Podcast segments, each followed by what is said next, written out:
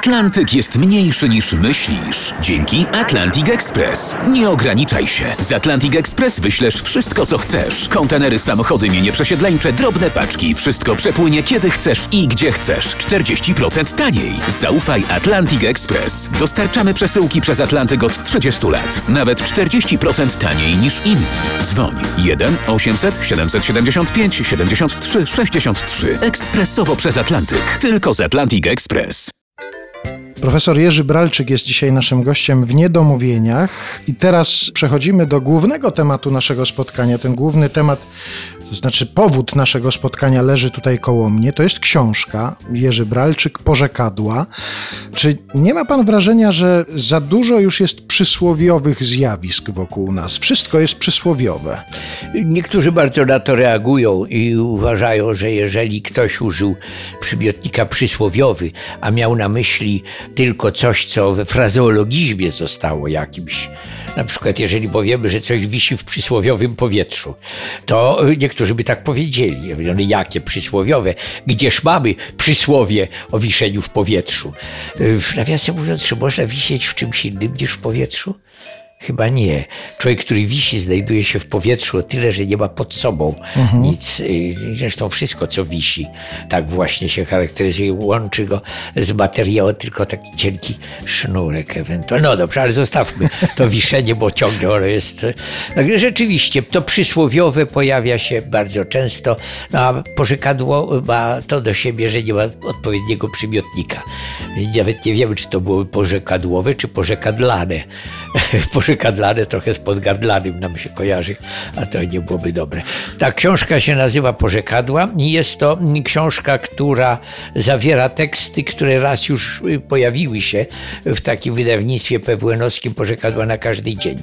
Ale były one i inaczej ułożone, zupełnie inaczej, to był rodzaj kalendarza, a tutaj mamy tematycznie ułożone pożekadła. No i przede wszystkim jest to książka, której nie waham się określić jako piękno. To jest książka.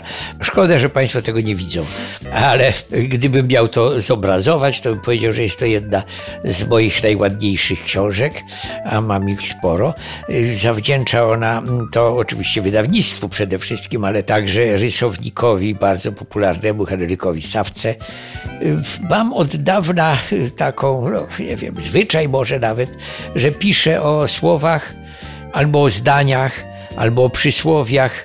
No to jest tak wdzięczny materiał, a poza tym nigdy go nie wyczerpię. No i staram się, żeby to było odrobinę przynajmniej przewrotne. Także w porzekadłach można odnaleźć to, co one znaczą, a także to, co mogłyby znaczyć, gdyby nie znaczyły tego, co znaczą. Powiedział pan, że one się już ukazały w książce kilkanaście lat temu. O, dawno, bardzo dawno, już i wszyscy o tym zapomnieli, łącznie z wydawnictwem chyba. A czy kiedy pan przygotowywał tę książkę teraz, z tamtych musiał pan coś zweryfikować? Musiał pan coś. Weryfikacji zbyt dużo nie było. Trochę dodałem tutaj jeszcze takich frazeologizmów na podstawowe tematy. Zobaczą to Państwo, kiedy wezmą Państwo tę książkę do ręki. Mam nadzieję, że z zamiarem kupienia, ale wydaje się, że te teksty są raczej ponadczasowe, tak jak i te porzekadła są ponadczasowe. Są tutaj niektóre bardzo, bardzo stare. I, a niektóre takie, co do których nie mam pojęcia skąd się wzięły. Jest jedno takie powiedzenie, właściwie przysłowie, jest tam przysłów dużo, ale nie tylko przysłowia, które gdyby ktoś mi kiedyś wyjaśnił, to byłbym bardzo wdzięczny. Nim słońce wzejdzie, rosa oczy wyje. Ta rosa wyjadająca oczy, no bo ona chyba nie wyje tak w ogóle. Do oczu. Do oczu. No, poza tym też czasownik wyje nie łączy się z biernikiem. O, czy wyje? Moglibyśmy ewentualnie powiedzieć, gdybyśmy to rozbili. Ale to przysłowie jest dla mnie kompletnie niejasne. Nie bardzo. Wiem, wiem, że pewnie coś stracimy, zanim coś dobrego się pojawi. Na przykład, gdy ktoś powie, a niedługo się pewnie pandemia skończy.